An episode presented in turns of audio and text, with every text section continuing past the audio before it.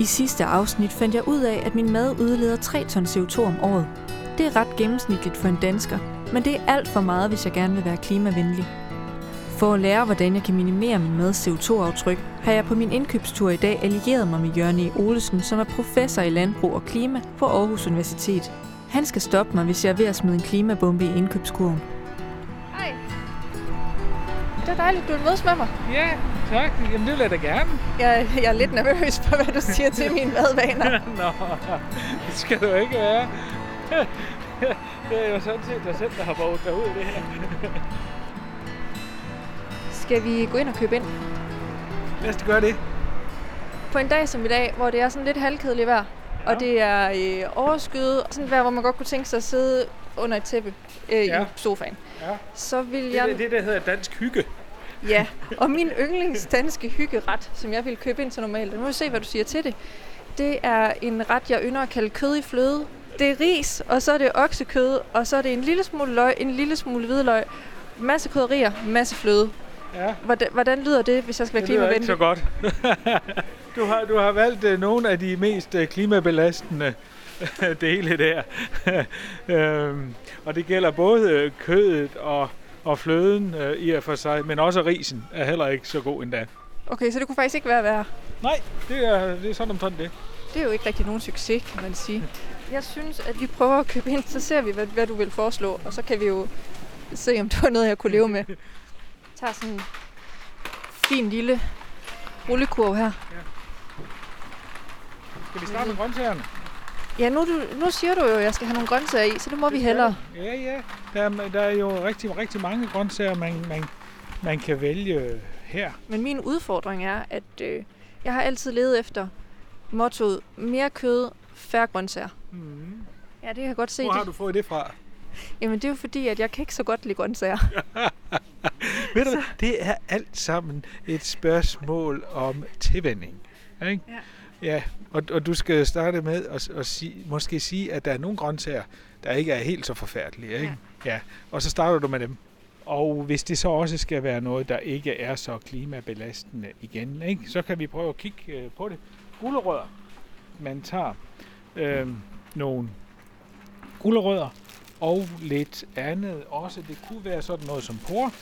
Øh, og øh, så laver du en slags, hvad skal man sige, øh, stuning eller sådan noget af det. Og det bliver rigtig, rigtig lækkert.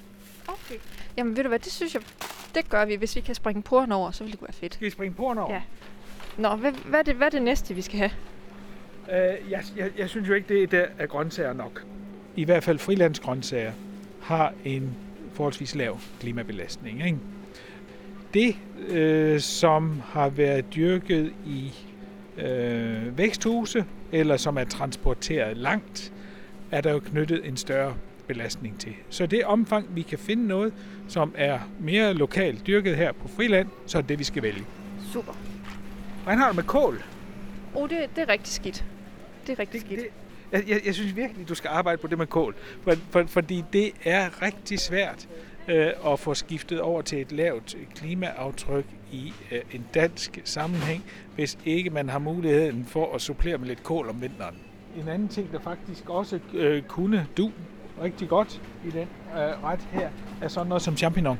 Nu er ikke fordi, at jeg kender klimaaftrykket, men øh, når jeg øh, ser på, hvordan det er dyrket osv., så kommer champignon jo i virkeligheden ved, at man dyrker på noget restprodukter, kan man sige, noget halm eller lignende der, som man ellers ikke bruger til andet, så det er der et rigtig, rigtig lavt, eller må der være et rigtig, rigtig lavt klimaaftryk knyttet til. Jamen, så, så tager vi champignon, og så, øhm, så giver jeg det et skud. Ja, Og ellers godt. så giver jeg resterne til hende, jeg bor med. Med både grøntsager og svampe i kurven er vi allerede op på mere af det sunde, end jeg plejer at spise. Så inden Jørgen i Olesen får flere gode idéer, går vi over til kødkøledisken for at se, hvad jeg kan skifte oksekødet ud med så kan du vælge kylling øh, i stedet for. Kylling har et langt, langt lavere klimaaftryk øh, end oksekødet har. Det har det af flere grunde. Dels så er øh, kyllinger jo nogen, der vokser meget, meget hurtigt, øh, og, og dermed øh, ender de ikke med at bruge så meget foder. Og dels øh, så har køerne øh, jo også noget bøvseri af noget metan, øh, som man heller ikke finder over i kyllingerne. Så kyllingerne er noget af det mest klimavenlige, vi kan tænke os, når det handler om kød. Hvor meget CO2 sparer jeg på kyllingen, hvis jeg nu skal opveje, hvor meget kan jeg godt lide oksekød, og hvor meget kan jeg, vil jeg gerne spare? Øh, jamen, hvis man tager sådan per kilo kød af, af øh, kylling kontra øh, oksekød, så er vi nede på en fjerdedel. Så kan det godt være, at jeg skal skifte ned med kylling. Man kan gøre det, at øh, man kan supplere op med en lille smule bacon øh, fra noget gris. Ikke? Det giver lidt mere smag til det der. Og det må jeg simpelthen godt. Det, ja, du skal jo ikke bruge så meget bacon til at give smag, og det er også således, at det der svinekød, bacon der, øh, jo heller ikke har nær så stor en klimabelastning som oksekød. Der snakker vi måske noget, der kunne ligne en tredjedel af det oksekød har. Hvis jeg nu skulle nedsætte min kylling i mængde, så det blev lidt bedre. Man kunne lave en blanding med noget bønner og kylling eller lignende. Ikke? Der er mange andre vegetar-emner, der har et højt proteinindhold. Godt. Øh, det kan vi faktisk det kan vi godt arbejde med. Det, det kan jeg godt, øh, Kan du godt lide det? det kan jeg godt leve med.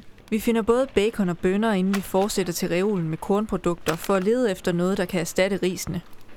Der er jo øh, spelt. Der er også sådan, så, som perlebyg og så der, der er i virkeligheden meget, meget, du kunne eksperimentere med her. Ikke? Og øh, sagen er, at det her jo er korn, ligesom ris i virkeligheden er.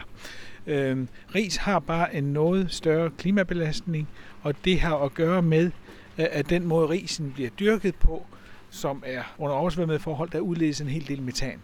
Ligesom fra køerne. Så, så der er en større klimabelastning fra risen, end der vil være fra det udvalg, der nu er af perlespelt og bulgur og hvad vi har. Jeg vælger perlespælten, og så mangler vi kun rettens måske vigtigste ingrediens. Så snakkede du også lidt om fløden. Den var du heller ikke så glad for. Øh, nej, det er jo, kommer jo igen fra, fra, fra køerne. Ikke? Det man jo kun- kunne gøre, var, at man kunne lave en lidt øh, sauceagtigt øh, ud af noget maizena eller sådan noget, hvor du alligevel får en eller anden form for cremet konsistens, men noget, der jo ikke kommer fra en ko. Maizenaen har jeg derhjemme, så nu er alle ingredienserne til kød i fløde blevet skiftet ud med mere klimavenlige alternativer. Skal vi øh, gå og betale så? Ja, De varer, jeg lægger på båndet, har intet med kød i fløde at gøre. Faktisk er der ikke en eneste ingrediens, der går igen. 129,5. Ja, det bliver på kort. Efter at have pakket mine varer i posen, går vi ud af butikken, og jeg siger pænt farvel til Jørgen i Olesen. Jeg er spændt på at se, hvordan det smager. håber det kan bruges. På vejen hjem tænker jeg over, hvor store ændringer i mine madvaner jeg tror, jeg kan leve med på lang sigt. Da jeg har besluttet mig, ringer jeg til Torben Krantz, videnschef i den grønne tænketank Concito, for at høre, hvor meget CO2 mine nye madvaner kan spare mig for. Det er Tom Krans. Hej, det er Lærke Tejdal. Hej. Torben, nu skal du høre, jeg har øh, besluttet at spise øh, mindre oksekød. Faktisk så øh, går jeg fra at spise oksekød næsten hver dag til kun at spise oksekød en gang om ugen. Og så spiser jeg kylling eller svin i stedet for. Undtagen en gang om ugen, hvor jeg skal være øh, vegetar. Og så generelt vil jeg spise cirka 20% mindre kød, når jeg spiser kød. Og en enkelt dag om ugen, så skifter jeg min øh, ris ud med kartofler, bulgur, spelt eller et eller andet, der ligner. Hvor meget kan jeg spare på det? Men det du siger her, der vil jeg tro, du kan spare cirka et ton. Mit samlede CO2-aftryk er nu nede på 13,7 ton, men jeg vil gerne have det meget længere ned. Så i næste uge ser jeg nærmere på mit forbrug af tøj og ting. Indtil da kan du lære mere om klimavenlig mad på Facebook.